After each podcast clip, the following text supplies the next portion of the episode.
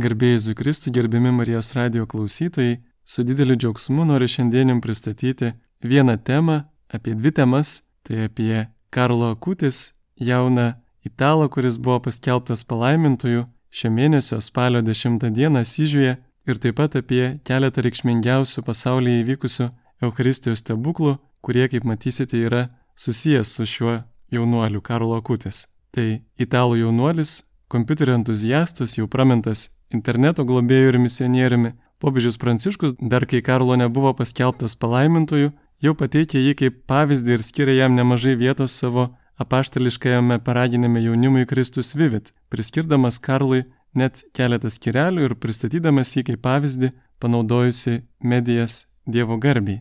Cituoju iš Kristus Vivit, primenu tau gerąją naujieną, kuri buvo mums dovanota prisikėlimo rytą. Tose tamsiose ir skausmingose situacijose, apie kurias kalbame, yra išeitis. Pavyzdžiui, tiesa yra tai, kad skaitmeninis pasaulis gali kelti tau grėsmę susitelkti į save, izoliuotis ir siekti tuščių malonumų. Tačiau nepamiršk, jog yra jaunų žmonių, kurie šioje srityje labai kūrybingi, net genialūs. Toks buvo jaunasis garbingasis Dievo tarnas Karolis, Karlo Akutis. Jis labai gerai suvokė, jog komunikavimo, reklamos ir socialinių tinklų mechanizmai gali būti naudojami mums užliuliuoti, padaryti mus priklausomus nuo vartojimo, galimų įsigyti naujovių, kad būtume apsėsti laisvalaikio dalykų, užsisklendę negatyvume, vis dėlto jis mokėjo pasinaudoti naujosiomis komunikavimo technologijomis, perteikdamas Evangeliją, skleisdamas vertybės ir grožį. Jis nesileido pagaunamas į pastus. Matė, kad daugelis jaunų žmonių, nors ir atrodė esą kitokie, iš tikrųjų galiausiai tapo panašus į visus, kurie pasiduoda galingųjų primetamoms vartotojiškumo ir kvaišinimo mechanizmams. Šitaip jie neugdo viešpaties duotų jiems dovanų, nedovanoja pasauliui tų unikalių asmeninių Dievo juose įdėktų gebėjimų. Karolis sakė, visi gimsta kaip originalai, tačiau daugelis miršta kaip fotokopijas. Neleisk, kad tau taip atsitiktų. Citatos pabaiga. Sekančiame ir dar toliau, kitame paragrafe, popiežius vėl plėtoja Karolio mintį apie originalus ir fotokopijas, jog turime atrasti savo unikalų šventumo kelią ir skleisti unikalias Dievo duotas dovanas. Tai apaštalo Pauliaus minties apie skirtingus bažnyčios Kristaus kūno narius pirmame laiške korintiečiams 12 skyriuje atkartojimas. Paulius rašo, esama skirtingų malonės dovanų, tačiau ta pati dvasia. Esame skirtingų tarnyščių, tačiau tas pats viešpats. Ir esama skirtingų darbų, tačiau tas pats Dievas, kuris visą veikia visur kur. Kiekvienam suteikiama dvasios apraiška bendram labai. Argi visi apaštalai, ar visi pranašai, ar visi mokytojai, ar visi stebukladariai, Karlo šioje žemėje pragyveno vos 15 metų, tačiau iš šventumo ir į dangų nukeliavo greituoju būdu. Jis pats, dar būdamas gyvas, yra sakęs, Euharistija yra mano greitkelis į dangų. Mano gyvenimo tikslas - pasilikti vienybėje su Jėzumi. Kai būname su Eucharistiniu Jėzumi, dovanojam jam savo laiką, jis mus perkyčia, padaro mus šventus. Dažnai galvojame, kad norint tapti šventu reikia padaryti daug ypatingų darbų. Kartą motinai Teresijai kažkas papriekaištavo, kad ji kelias valandas kasdien praleidžia koplyčioje priešais švenčiausiai sakramentą, o juk galėtų per tą laiką šitiek gerų darbų pridaryti. Motina Teresė atsakė, jei nepraleisčiau laiko su Jėzumi, nieko gero iš vis negalėčiau padaryti. Ir Karlo Akutis paskelbtas šventuoju ne todėl, kad yra padaręs labai daug gerų darbų, bet todėl, kad leido Jėzui Euharistijoje jį taip iš vidaus perkeisti, kad jis duotų gerų vaisių, kad Jėzaus meilė skatinamas padarytų tuos gerus darbus su meilė. Kaip tvirtina apaštalas Paulius pirmajame laiške korintiečiams, jei išdalyčiau vargšams visą, ką turiu, jeigu atiduočiau savo kūną sudegint, bet neturėčiau meilės, nieko nelaimėčiau. Aš irgi kartais pamastau, kiek daug progų daryti gerą suteikia kiekviena diena, bet tuos darbus dažnai padarom atmestinai. Ar reikia atlikti pareigą, ar susitikti su žmonėmis, ar leisti laiką su šeima, visat galiu tam su meilė ir gerai pasiruošti, o galiu tai padaryti nepasiruošęs, paskubomis ir be meilės. Tuomet kas iš tokių darbų, net jei tai būtų ir pagalba vargšams ar net ligonių lankymas. Taigi, Karlo Akutis paskelbtas palaimintoju visų pirma todėl, kad leido Dievo meiliai perkeisti jo gyvenimą nuo pat ankstyvos vaikystės. Jis gimė Londone 1991-aisiais, gegužės 3-ąją, turtingoje italų šeimoje. Jie kurį laiką dirbo Londone bet jau tų metų rugsėjai persikraustė į Milaną Italijoje. Karlo visuomet buvo labai linksmas berniukas ir tai visus stebino. Jo tėvai nebuvo labai religingi, tačiau Karlo nuo pat mažumės mėgdavo ateiti į bažnyčią ir melstis prieš tabernakulį. Jis priėmė pirmąją komuniją būdamas vos septyniarių, tam gavo specialų leidimą ir paskui prašė tėvų leisti jam eiti į bažnyčią ir priimti komuniją kasdien. Karlas sakydavo, esame laimingesni negu mokiniai gyvenę su Jėzumi prieš 2000 metų. Užtenka užeiti į bažnyčią ir jį susitinkame. Jeruzalė yra šalia mūsų namų. Dar jis sakydavo, kai priimam komuniją, mes maitinamės Dievo meilę ir taip galime tapti artimais Jėzaus bičiuliais. Jis taip pat kas savaitę eidavo iš pažinties. Jis sakydavo, kad oro balionas galėtų pakilti, jis turi išsilaisvinti iš visų nereikalingų svorių. Taip ir žmogus turi atsisakyti net lengvų nuodėmių, norėdamas pakilti į dangų. Kaip liudija Karlo mama, Antonija Akutis, jis tėvus paskatina atsiversti. Ji liudija, Karlo dėl savo artumo Jėzui turėjo autoritetą. Šeimose paprastai tėvai vaikus atveda į tikėjimą Dievu, mūsų šeimoje buvo atvirkščiai.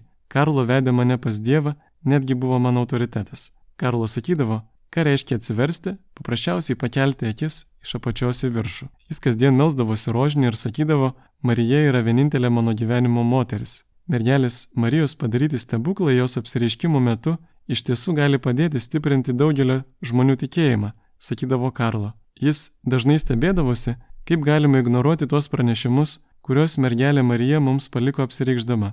Mergelė Marija, žinodama mūsų tikėjimo silpnumą, dėl savo motiniško gerumo, paliko mums tiek daug stebuklingų ženklų, tačiau daugelis, nepaisant jų, lieka abejingi, sakė Karlo. Daugelis ieško ženklų iš dangaus, kad sustiprintų savo tikėjimą, tačiau daugelis dėja jų net neieško ir jei netyčia juos randa, samoningai į tai nekreipia dėmesio, nes yra pernelyg užsiejami pasaulio reikalais. Jo mėgstamiausi šventieji buvo šventasis Pranciškus Asižėtis, Fatimos šventieji piemenėliai Pranciškus ir Jacinta, Dominikas Savijo, Tarcizijus, Aloisas Gonzago, šventoji Lurdo regėtoja Bernadeta. Jis mokėsi jėzuitų kūruojamoje mokykloje ir jau ten rūpinosi vargstančiais. Kviesdavosi į namus paguosti ir pastiprinti tuos vaikus, kurių tėvai išgyvendavo skirybas, gindavo neįgalius vaikus nuo patyčių mokykloje, savanoriavo su kapucinų vienuoliais, tarnaudamas benamiams ir vargšams. Jis buvo iš turtingos šeimos, bet gyveno labai asketiškai. Iš savo kišenpinigį nupirko mėgmišį vienam benamiui, kurį kasdien sutikdavo kelyje į mišes. Vakarais neždavo maisto tiems, kurie gyvendavo gatvėje, kartais net atiduodavo jiems savo vakarienę. Visi gimstame originalais, bet daugelis miršta kaip kopijos, jis sakydavo, kad paskatintų kiekvieną išskleisti tas unikales iš Dievo gautas dovanas. Mokykloje Karlo niekada neslėpdavo savo tikėjimo. Jis kviesdavo draugus kartu eiti į mišes ir grįžti pas Dievą. Viename sąsivinyje jis rašė, liudesys yra žvilgsnis nukreiptas į save, laimė yra žvilgsnis nukreiptas į Dievą. Taigi matome, kad jisai, nors būdamas ir nedidelio amžiaus, iš tikrųjų tapo net išmintingesnis už daugelį vyresnio amžiaus žmonių, nes štai Dievo išmintis jį maitino. Jis buvo artimas Jėzaus draugas. Ypač mėgstamas Karlo užsiemimas buvo kelionės pešiomis į Esyžių, Šventojo Pranciškus gimtąjį miestą. Jis keliaudavo ten su draugais, žaisdavo įvairiausius žaidimus, o nuėjęs į Esyžių nusivesdavo ir draugus į kokią nors bažnyčią, kad padėtų jiems susitikti su Jėzumi. Gyvenime jis supo visą tai, kas supo ir šių dienų paauglius. Kompiuteriai, draugai, mokykla, kompiuteriniai žaidimai, futbolas. Karlo mėgo aitvarus, gamtą, gyvūnus, labai mėgo kompiuterius, naujas technologijas. Jis labai mėgdavo filmuoti, kurdavo nuostabius ir jokingus filmukus, ypač apie gyvūnus. Galima sakyti, jo didžiausia aistra buvo dviems dalykams - komunijai ir komunikacijoms. Jėzau Euharistijoje jis laikė gyvenimo tikslu, o aistrą informatikai turėjo, nes matė didžiulį potencialų gėrį, kurį jį gali atnešti. Jo žinios šioje srityje, o taip pat katekizmo žinios buvo daug didesnės negu tokiam amžiai įprasta. Jis nusprendęs tas žinias panaudoti evangelizacijai. Ko nesvarbiausias jo gyvenime nuveiktas darbas buvo sukurta paroda apie Euharistijos stebuklus. Jis taip pat buvo pradėjęs kurti parodą apie mergelės Marijos apsiriškimus, tačiau dėl lygos jos nespėjo užbaigti. Ją ruošti užbaigė Karlo Kutis draugų asociacija 2014-aisiais. Šiandien šios parodos nemokamai prieinamos 17 kalbų, tikėkime, greitai bus prieinamos ir lietuviškai. Štai medijų evangelizacijos projekto iniciatyvinė grupė jau pradėjo tuos parodos stendus versti į lietuvių kalbą.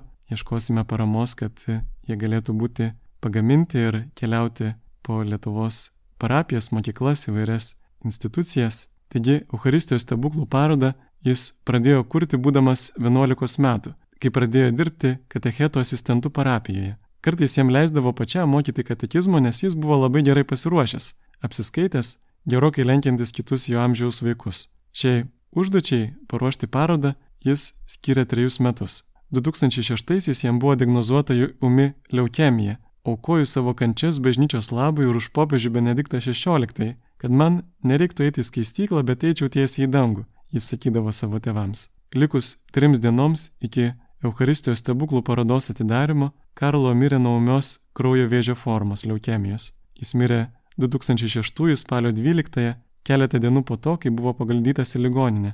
Dvi dienas prieš mirtį jis priėmė ligonių patipimą ir Eucharistiją. Karlo išpranašavo savo mirtį prieš kelis mėnesius. Tai rašyta viename video, kuris sako, kad turėsės mirti. Jo mirties dieną bažnyčia ir kapinės buvo pilno žmonių. Daugelis iš jų buvo benamiai, kuriems Karlas slapta padėjo. Aš prisimenu panašią istoriją suskaitęs apie Džordžio Frasatį laidotuvės, kai artimieji labai stebėjosi, iš kur tiek žmonių jį pažįsta, nes jie nekartų jų nebuvo matę, o štai buvo tie vargšai, kurios, kuriems Džordžio per savo gyvenimą yra padėjęs. Karlo mama Antonija sako, jog jis mėgdavo jokauti ir net sužinojęs apie savo mirtį jokavo ir ragino mane neliūdėti. Žadėjo atsiųsti ženklų iš dangaus. Jo mirties dieną už jį meldėsi daugybė žmonių, visi net netilpo į bažnyčią. Ir jau tada pasirodė pirmieji Karlo užtarimo vaisiai. Pasveiko moteris nuo krūties vėžio, kita 45 metų moteris vis negalėjo pastoti, bet pamaldos atgavo vaisingumo dovaną. Jo laidotuvės buvo labiau panašios į šventę negu į laidotuvės. Manau todėl, kad Karlo įžengė į dangų toj pat, nes taip prašė maldoje, sakydamas, kad aukoju savo kančias už bažnyčią ir už popiežių, kad galėčiau aplenkti skaistyklą ir eiti tiesiai į dangų. Tikiu, kad Jėzus jį išklausė, sakė jo mama. Jo šventumo garsas pasklido po visą pasaulį. Jo beatifikacijos ir kanonizacijos byla pradėta 2012 m. spalio 12. -ąją. Kadangi jo mėgstamiausia vieta buvo Asyžius, jis troško ten būti palaidotas. Asyžius yra Šventojo Pranciškaus ir Šventos Klaros miestas. Per šimtmečius šie du šventieji kvėpdavo jaunimą siekti šventumo. 2019 Liepos 6 jo palaikai perkelti į Asyžiaus didžiosios Marijos bazilikos apsinuoginimo šventovę Ji pastatyta garbėtų įvykio, kai Šventas Pranciškus išsivilko iš tėvų drabužių ir pasišventė Dievui. Viską paliko, kad sektų Kristumi. Koplyčios, į kurią perkelti Karlo Akutis palaikai rektorius Karlos Ferreira liudija. Mane stebina, kiek daug žmonių iš visų žemynų čia atvyksta. Negaliu paaiškinti kitaip, kaip tik šventosios dvasios veikimu, kad vos 15 metų paauglys galėtų patraukti tokią daugybę žmonių. Visokiausio amžiaus ir visokiausių luomų žmonės. Šeimos, jaunimas, vaikai, seneliai, viskupai, kunigai, vienuoliai, žmonės liudyja apie patirtus atsivertimus ir netgi dvasinius bei fizinius išgydymus Karlo užtarimu. Karlo moko mane iš naujo atrasti du labius bažnyčioje - Jėzų Euharistijoje ir mergelės Marijos motinišką užtarimą. Jis kasdien eidavo į mišes ir kasdien melsdavosi rožinį. Mirdamas jis neprieštaravo, kad Dievas taip greitai jį pasiima, nes gyvenime negaišo laiko dalykams, kurie nepatinka Dievui, bet visą laiką siekia savo plano - būti arti Jėzaus siekti vienybės su juo. Šventumas yra pasiekiamas netgi paaugliams. Gali tapti šventu, te turėdamas vos 15 metų. Citatos pabaiga. Štai Vatikanius svetainėje apie Karlo Akutis rašoma, šioje šventovėje jaunimui kartu kalba šventasis Pranciškus Asižėtis ir palaimintasis Karolis Akutis. Nors gyveno skirtingais amžiais, jiedu sudaro savotišką sąjungą. Abu geba kreiptis į jaunimą jiems suprantamą kalbą. Jų kalbėjimas originalus ir autentiškas. Gyvenimo, Originalumo ir autentiškumo siekiantis jaunimas kartais nueina klystkeliais. Palaimintojo Karolo Akutis žodžiais gyvena pagal madas ir tampa gyvenimo kopijomis. Pasak Asyžiaus vyskupo, Pranciškus Asižėtis ir Karolis Akutis į jaunimą kreipiasi jiems suprantamu būdu, liudija, kad gali būti linksmi, laimingi ir nepakartojami, tačiau eidami teisingų gyvenimo keliu, kuris yra Jėzaus kelias. Todėl pastoracijoje reikia stengtis padėti jaunimui Pranciškus ir Karolio pavyzdžių sekti teisingų gyvenimo keliu. Citatos pabaiga. 2020 vasario 21 popiežius Pranciškus pripažino stebuklą priskiriamą Karlo užtarimui. Brazilijoje, kai kunigas per Karlo mirties metinės pakvietė žmonės prašyti jo užtarimo ir buvo pagerbiamos Karlo relikvijos, būtent jo mirties metinių dieną, staiga pasveiko ant senelio rankų atneštas mirštantis berniukas, turėjęs kasos apsigimimą. Šis įvykis visų komisijų ir medikų ir teologijos komisijos vienbalsiai buvo pripažintas ant gamtinių ir priskirtas būtent Karlo Akutis užtarimui.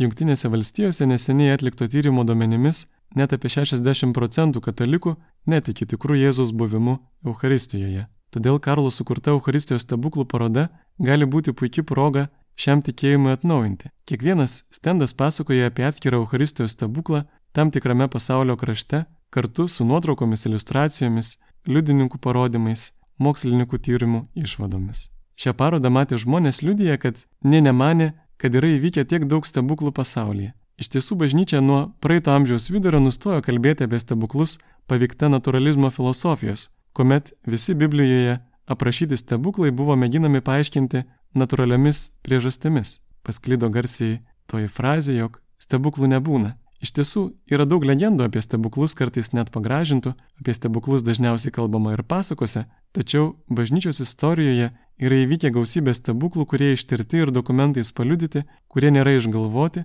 kurie išliko net iki šių dienų ir kurie netgi mums yra būtina ženklas, kad padėtų mums įsitikinti, jog štai čia yra tikroji religija, tikrasis kelias ir tikroji tiesa, jog čia veikia Dievas, o ne žmonių apgaulė. Viena moteris pamačiusi parodą liudyje, Aš jau pergyvenau kelias kartas žmonių mūsų parapijoje, turėjom nemažai nuostabių kunigų, bet per visus tuos metus aš nesu girdėjusi tokių pavyzdžių, kuriuos pamačiau šioje parodoje. Kitas vyras teigia, šis 15 metų vaikinas per tą parodą jau pasiekė milijonų žmonių, kad jie galėtų pamatyti ir įtikėti. O kad tik suprastume, ką savo liežuviu iš tiesų priimame. Ši paroda čia turi likti tol, kol kiekvienas mūsų parapijoje tai supras ir įtikės.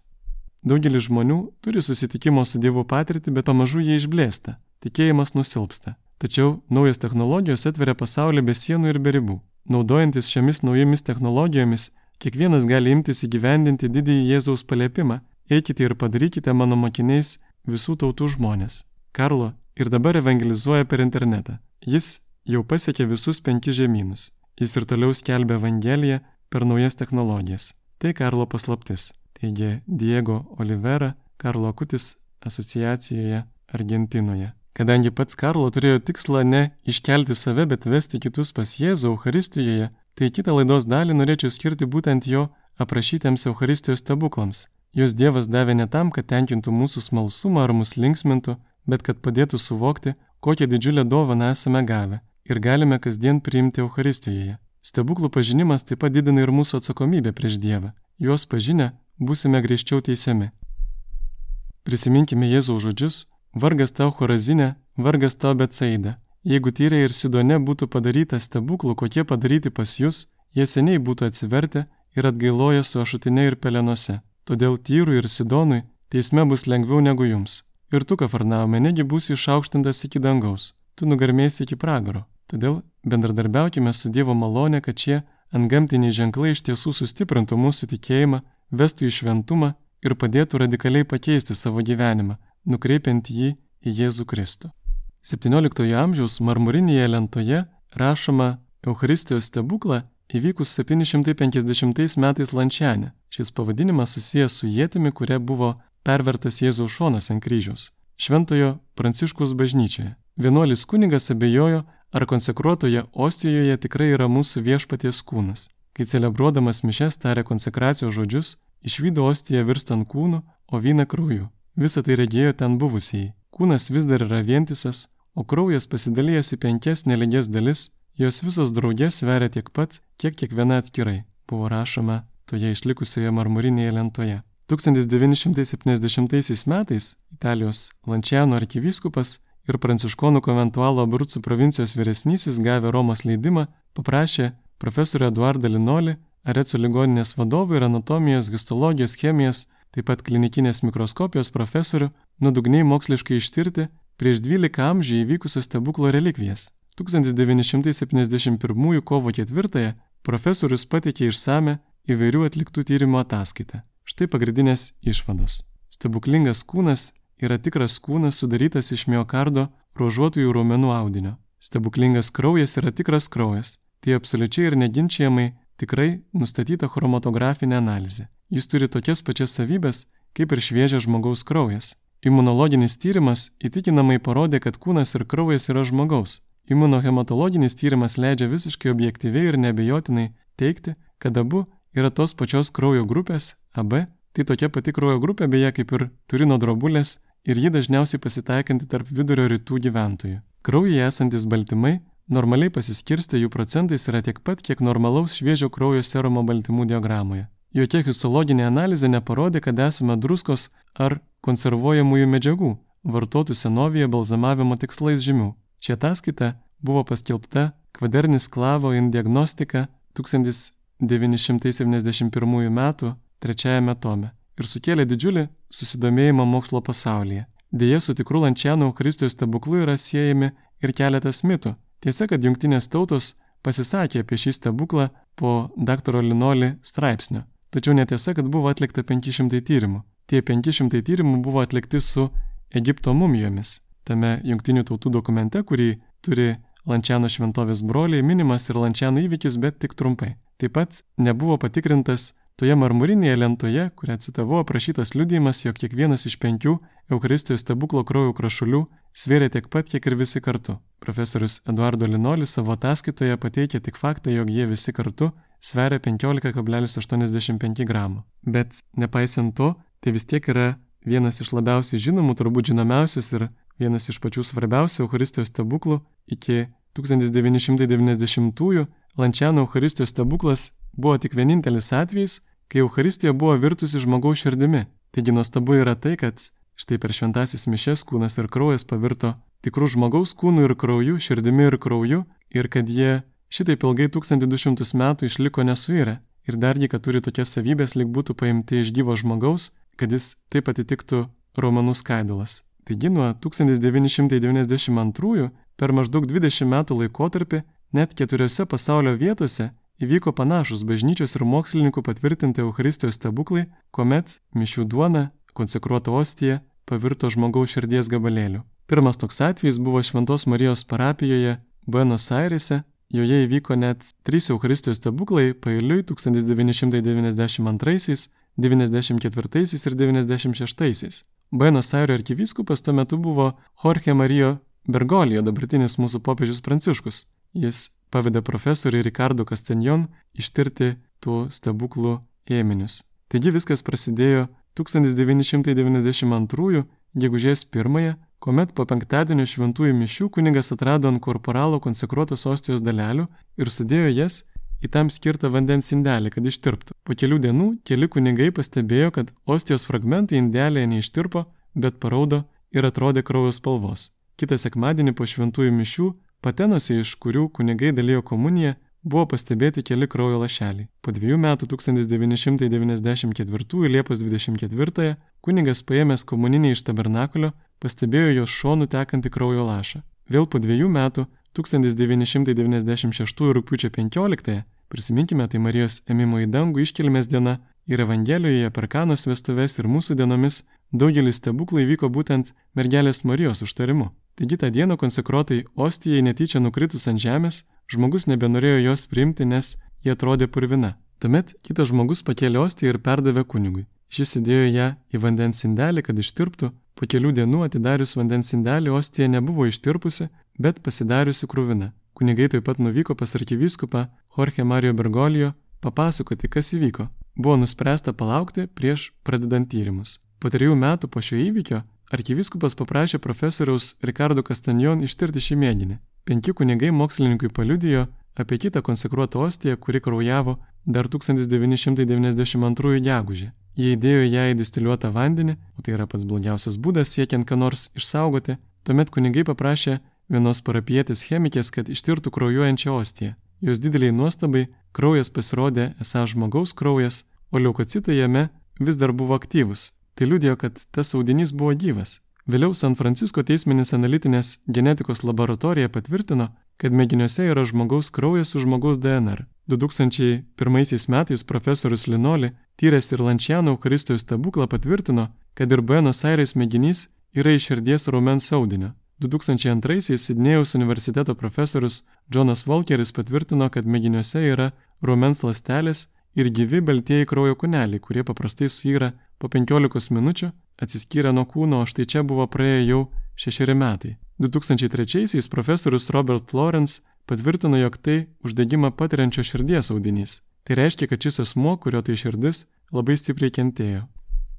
2004-aisiais Kolumbijos universiteto profesorius Frederikas Zugibė patvirtino, jog tai širdies kairiojo skilvelio raumens audinys ir kad šis žmogus labai sunkiai galėjo kvepuoti, jam buvo sužeista krūtinė. Be to, kaip labai stebėjosi daktaras Zugibė, Testo metu šis mėginys turėjo tokias pačias savybės kaip gyvo širdies, buvo gyvas. Šis profesorius paliudijo, kad nežinojo, iš kur buvo paimtas tas mėginys, jam specialiai tai buvo neatskleista. Vienas teologas pakomentavo, jog tai neatsitiktinai ši širdies dalis, nes miokardas teikia gyvybę visai širdžiai ir visam kūnui, kaip ir Euharistija teikia gyvybę bažnyčiai, o būtent iš kairiojo skilvelio teka išvalytas kraujas, taip ir Jėzus apvalo savo bažnyčią nuo nuodėmių. 2006 m. kovo 17 kardinolas Bergolijo, busimasis popiežius Pranciškus, paskelbė tyrimų išvadas ir pripažino ant gamtinių šį Euharistijos stebuklą Buenos Airese. 2013 m. spalio 12 d. per Karlo Akutis mirties 7 metinės Meksikos Čilpancingo Čilapos vyskupas pripažino kitą Euharistijos stebuklą įvykusi 2006 metais Meksikoje Tikstloje spalio 21 d. Savo laiškiais rašo, šis įvykis mums paliko nuostabų Dievo meilės ženklą, patvirtinantį tikrą Jėzaus buvimą Euharistijoje. Kaip viskupijos vyskupas aš pripažįstu įvykius susijusius su kraujuojančia tikslo sostija ant gamtiškumą ir paskelbiu šį įvykį dieviškų ženklų. Taigi viskas prasidėjo 2006 spalio 21-ąją Šventojo Martino Turiečio bažnyčioje šventų mišių metu per komunijos dalyjimą iš ostijos kurią vienuolė komunijos dalintoje ruošėsi duoti vienai parapijietiai, stiga pradėjo sunktis kraujas. Visi dalyviai buvo sukresti to įvykio. Po trijų metų vyskupas Alėjo Zavala Castro sudarė teologinę komisiją ir kartu pakvietė mokslininką Ricardo Castanjon Gomes ištirti šį įvykį. Šis mokslininkas buvo pasirinktas todėl, kad jis 1996-aisiais tyrė Buenos Airių dvi kraujuojančias ostijas kurios vėliau bažnyčios buvo pripažintos Euharistijos stebuklu. Tikslo sostijos mokslinių tyrimų išvados buvo paskelbtos 2013 metais gegužės 25-ąją Čilpancingo viskupijoje vykusiame tarptautinėme simpozijume tikėjimo metų proga. Buvo pripažinta, kad iš ostijos tikrai sunkėsi žmogaus kraujas su žmogaus DNR. Tyrimai atskleidė, kad kraujas sunkėsi iš ostijos vidaus. Jis priklauso AB kraujo grupiai, tai pačiai kaip ir Lančiano Euharistijos stebukle bei Turino drobulė ir visose kitose Euharistijos stebuklose, AB kraujo grupė yra rečiausia pasaulyje, tik 7 procentai gyventojų ją turi. Ostijos paviršiuje kraujas buvo sukrešėjęs, tačiau viduje buvo šviežias, nesukrešėjęs ir toks išsilaikė ketverius metus iki tyrimo. Kraujas turi lygiai tokias savybės, lyg būtų paimtas iš gyvaudinio. Jame, kaip ir Buenos Airių Euharistijos stebukle, aptikti gyvi leukocitai, baltieji kraujo kūneliai, kurie paprastai miršta po keliolikos minučių po mėginio paėmimo. Čia jie išsilaikė gyvi net keliarius metus nuo Euharistijos stebuklo iki tyrimo momento. Osijoje taip pat rastas širdies miokardo rumens audinys. Vyskupo sudaryta teologinė komisija pripažino, kad šio reiškinio neįmanoma natūraliai paaiškinti. Jis neturi paranormalios kilmės ir tai nėra kieno nors manipulacija, bet Dievo dovanotas stebuklas. 2008 metais spalio 12-ąją vėlgi įdomu, kad tai ar tai sutapimas, ar Dievo apvaizdo ženklas, bet tai buvo būtent Karolio Akutis antrosios mirties metinės, Sokulkos Šventojo Antano bažnyčioje Lenkijoje įvyko vienas labiausiai stulbinančių Euharistijos stebuklų pasaulyje. Beje, kaip pastebėjote, kai kurie iš šių stebuklų jau yra vykę po Karlo mirties ir juos tuos tendus parašė jau jo draugų asociacija bei jo artimieji. Šis Sokulkos Euharistijos stebuklas tai arčiausiai Lietuvos įvykęs Euharistijos stebuklas. Taigi tą dieną per ryto šventasis mišes kunigui, bedalijant šventąją komuniją, viena ostija netyčia nukrito ant žemės. Kunigas nukritusi ostiją, kadangi ji buvo nešvari priimti, įdėjo į vandens indą, kad ištirptų. Po savaitės ostija buvo beveik ištirpusi, bet mažas jos gabalėlis įgavo rausvą spalvą, kuri buvo panašiai kraujo dėmė. Apie tai taip pat buvo pranešta arkivyskupui. Arkivyskupas nusprendė palaukti. Po kiek laiko raudonas ostijos gabalėlis perkeltas ant švaraus korporalo baltos medžiagos patiesalo, ant kurio vyksta šventųjų mišių aukos liturgija. 2009 sausio 7 jis duotas ištirti dviems Balstogės medicinos universiteto patologinės anatomijos profesoriams Stanislavui Sulkovski ir Marijai Elžbietai Sobanėts Lotovska, kurie abu nepriklausomai vienas nuo kito atliko tyrimus, naudodami moderniausius elektroninius mikroskopus. Jie abu nežinodami, kad mėginys paimtas iš ostijos, kartu paskelbė, kad tai nėra kraujo dėmė, bet labiausiai panašu į širdies miokardo raumens audinį. Dar daugiau, jame nerasta natūralaus įrimo požymių. Jis turi tokias savybės, kokias turi gyvas audinys paskutinėje fazėje prieš mirtį. Tuo metu pasigirdo kai kurių asmenų, netyrusių ostijos ir net jos nemačiusių pareiškimai, jog raudonas spalva sukėlė tam tikros rušies bakteriją. Kiti paskelbė hipotezę, kad audinys iš nužudyto asmens širdies. Mokslininkai tyrė Sokulkos mėginė šias hipotezės pavadino absurdiškomis. Tuomet 2009 kovo 30-ąją arkivyskupas sudarė komisiją stebuklai tirti. Buvo apklausti visi liudininkai tirtas jų parodymų nuseklumas, ar ostija negalėjo būti apkeista, komisija paskelbė, kad ir to ostija buvo ta pati, paimta iš tabernakulio, kad ji negalėjo būti apkeista. Stebuklą pripažinti paskatino ir dar vienas faktas, jog duona buvo taip glaudžiai saugusi su raumenų skaidulomis, tarsi duona staiga perauktų į žmogaus širdies audinį. Profesorė Sobanė Slotovska tvirtino, kad netgi NASA mokslininkai turintys moderniausias technologijas negalėtų tokio dalyko dirbtinai sukurti. Taigi ši atrodytų nereikšminga maža raudona dėmelė ant korporalo slepia didžiulę paslapti, kurią atskleisti gali tik tai mokslas. Tai iškalbingas daugiau ženklas šių dienų žmogui, kuris taip pasitikė mokslu. Ir ne veltui, nes šių dienų technologijos leidžia kurti tokias iliuzijas, taip pamėgdžiančias realybę, kokių žmogus be mokslinių metodų niekaip negalėtų atskirti nuo tikrovės. Na ir naujausias pasaulyje Euharistijos stebuklas įvyko taip pat Lenkijoje, Legnicoje, Švento Hiecinto bažnyčioje. Jis prasidėjo 2013 gruodžio 25-ąją Šventų Kalėdų dieną. Kaip jau gana įprasta, Euharistijos stebuklų atvejais ostija, bedalyjant komuniją, nukrito ant žemės, tuomet kuningas įdėjo ją į vandens indą, kad ištirptų, o po kelių dienų ant jos paviršiaus pastebėta raudona dėmė. Legnicos vyskupas Stefan Cichi nusprendė sudaryti komisiją ir šį įvykį moksliškai ištirti. 2014 m. sausio 26-ąją mokslininkai paėmė mėginį analizai. Iš pradžių siekti išsiaiškinti, ar raudona spalva negalėjo atsirasti dėl purvo, gribelio, bakterijos ar kokio panašaus išorinio poveikio. Vroclavo teismo medicinos institutas atmetė tokias galimybės. Buvo patvirtinta, kad tai širdies raumens audinys. Ščecino medicinos institutas, tyręs tą patį mėginį, vėliau taip pat patvirtino, kad tai žmogaus širdies raumuo. Dar daugiau tyrimas atskleidė, jog tai buvo žmogaus širdies raumens audinys su pakitimais, kokie atsiranda agonijos metu. Tai spaudos konferencijoje patvirtino kardiologė profesorė Barbara Engel, pasakiusi, kad tokios išvados vienbalsiai prieita po testo naudojant ultravioletinius spindulius. Kraujyje rastas žmogaus DNR. Tyrimų rezultatai buvo pristatyti Vatikano tikėjimo mokslo kongregacijai, kuri patvirtino įvykio antgamtiškumą. Įdomu, kad šios tyrimų išvados atitinka kitur pasaulyje įvykusių Euharistijos stebuklų, tokių kaip Lančiano, Buenos Airese, Tiksloje, Sokulkoje tyrimus. Beje, šventasis Hiecintas, kurio vardo bažnyčioje įvyko stebuklas, gyvenęs 13 amžiaus pradžioje, pats turėjo gilų pamaldumą Euharistijai ir pats patyrė Euharistijos stebuklą. Pasakojama, jog sužinojęs, kad mongolų kariuomenė prisertinusi prie Kievo, jis paėmė komuninę su švenčiausiųjų sakramentu ir norėjo pernešti ją į saugią vietą. Tuomet jis išgirdo balsą iš Marijos statulos. Matau, kad nori išgelbėti mano sūnų, bet negi atiduosiu jo motinai barbarų rankas. Jacintas atsiprašė, kad negalėtų panešti sunkios Marijos statulos, o jie atsakė, kad jei šis turėtų kiek daugiau tikėjimo ir meilės, toji našta nebūtų jam per sunki.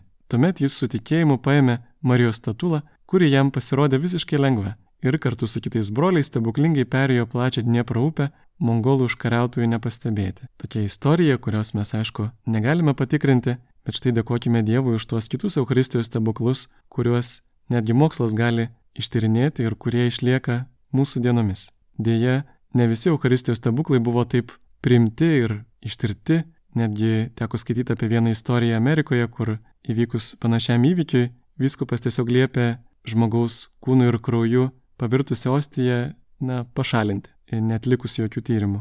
Ačiū Dievui, kad jis duoda mums tiek daug ženklų, su pertekliumi, kad jeigu kurioje nors vietoje jo dovanos nepriimamos, tai dar gausiau priimamos kitose vietose. Šalia Euharistijos stebuklų, Karlo Akutis parodoje taip pat yra ir sekcija apie šventuosius, kurie patyrė Euharistijos stebuklus. Aš ypatingai norėčiau papasakoti apie vieną iš tų mistikių pasaulyje, kurios gyveno nieko nevalgydamos vien tik Euharistiją. Tai Aleksandrina Marija da Costa. Ji gimė 1904 m. kovo 30-ąją Balsare, Portugalijoje. Būdama 14, Bėgdama nuo trijų vyrų norėjusi ją išprivartauti, saugodama savo skaistybę, jie iššoko pro langą iš keturių metrų aukščio. Pasiekmes buvo labai liūdnas, nors pasijauti ne iš karto. Po keliurių metų ji tapo visiškai prikaustyta prie lovos, vis didėjančio paralyžiaus ir taip pasiliko beveik 30 likusių savo gyvenimo metų. Tačiau ji neprarado vilties, bet atsidavė Jėzui tokiais žodžiais. Kadangi tu esi kalinys tabernakulėje, o aš esu kalinė lovoje, vykdydama tavoje valią,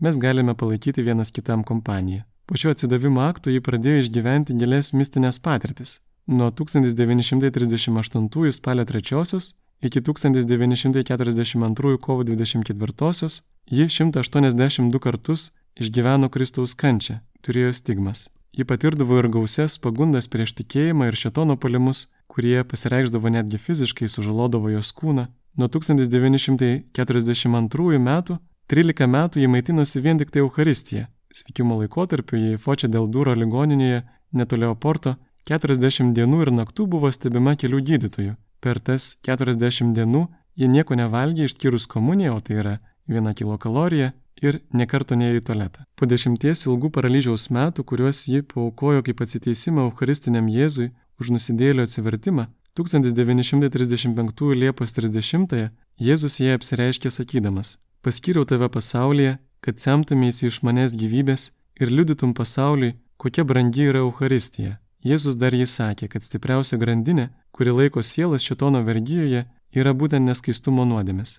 Dar niekuomet įdos, nedorybės ir nusikaltimai nebuvo taip paplitę kaip šiandien. Niekada nėra buvę pasaulyje tiek daug nuodėmės. Euharistija - mano kūnas ir kraujas. Štai yra pasaulio išgelbėjimas. Taip pat Jėzus jį sakė, tu labai retai patirsi paguodą. Noriu, kad kol tavo širdis bus pripildyta kančios, ant tavo lūpų visuomet būtų šypsena.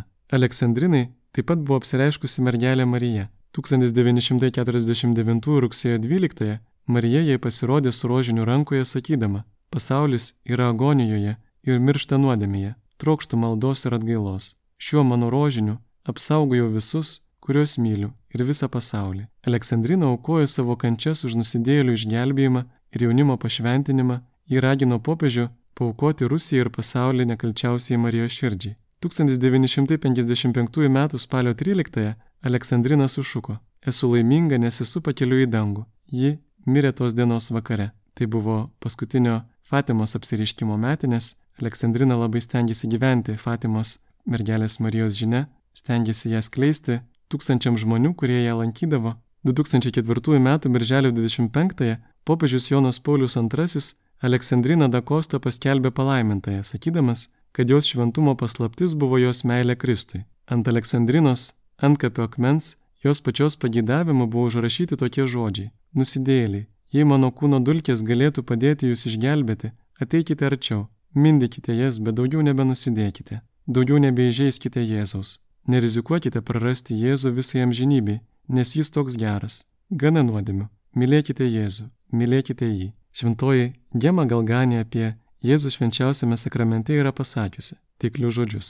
Nueikime pas Jėzų. Jis yra visiškai vienas ir beveik niekas apie jį negalvoja. Vargšas Jėzus. Pridurčiau, vargšiai mes žmonės, kad nepriimam ir neįvertinam tokios didžiulės dovanos švenčiausios Jėzaus širdies, vienintelio meilės šaltinio mūsų visatoje, kuri laukia mūsų kiekvienos bažnyčios tabernakulyje, o kartu panašiai lieka apleista ir mūsų širdise, mums prieimus komuniją. Gal esame patyrę kaip nemalonu, kai nueini į svečius, o šeimininkas užsiema savo reikalais ir tave palieka vieną. Jėzus taip jaučiasi nuolat. Euharistija, kaip sakė palaimintasis Karlo Akutis, yra greitkelis į dangų. Pasinaudokime juo, kuo labiau vienydamėsi su švenčiausiaja Jėzaus širdimi Euharistijoje. Pranašas Ezekielis 36 skyriuje yra rašęs: Duosiu jums naują širdį ir atnaujinsiu jūs naują dvasę. Išimsiu iš jūsų akmeninę širdį ir duosiu jums jautrę širdį. Duosiu jums savo dvasį ir padarysiu, kad gyventumėte pagal mano įstatus, laikytumėtės mano įsakų ir juos vykdytumėte. O štai Jėzaus žodžiai Evangelijoje, kuriuos mes daug kartų girdėjome, bet kurie galėtų mums sušvisti nauja šviesa, išgirdus pasakojimus apie šios Eucharistijos stebuklus. Aš jums duodu naują įsakymą, kad jūs vienas kitą mylėtumėte, kaip aš jūs mylėjau. Ir mes tai galime pasiekti tik prieėmę Jėzaus širdį ir Jėzaus dvasę. Tegul palaimintasis Karlo Akutis, palaimintoji Aleksandrina Dakosta, šventasis Pranciškus ir visi šventieji užtaria mus šiame kelyje. Amen.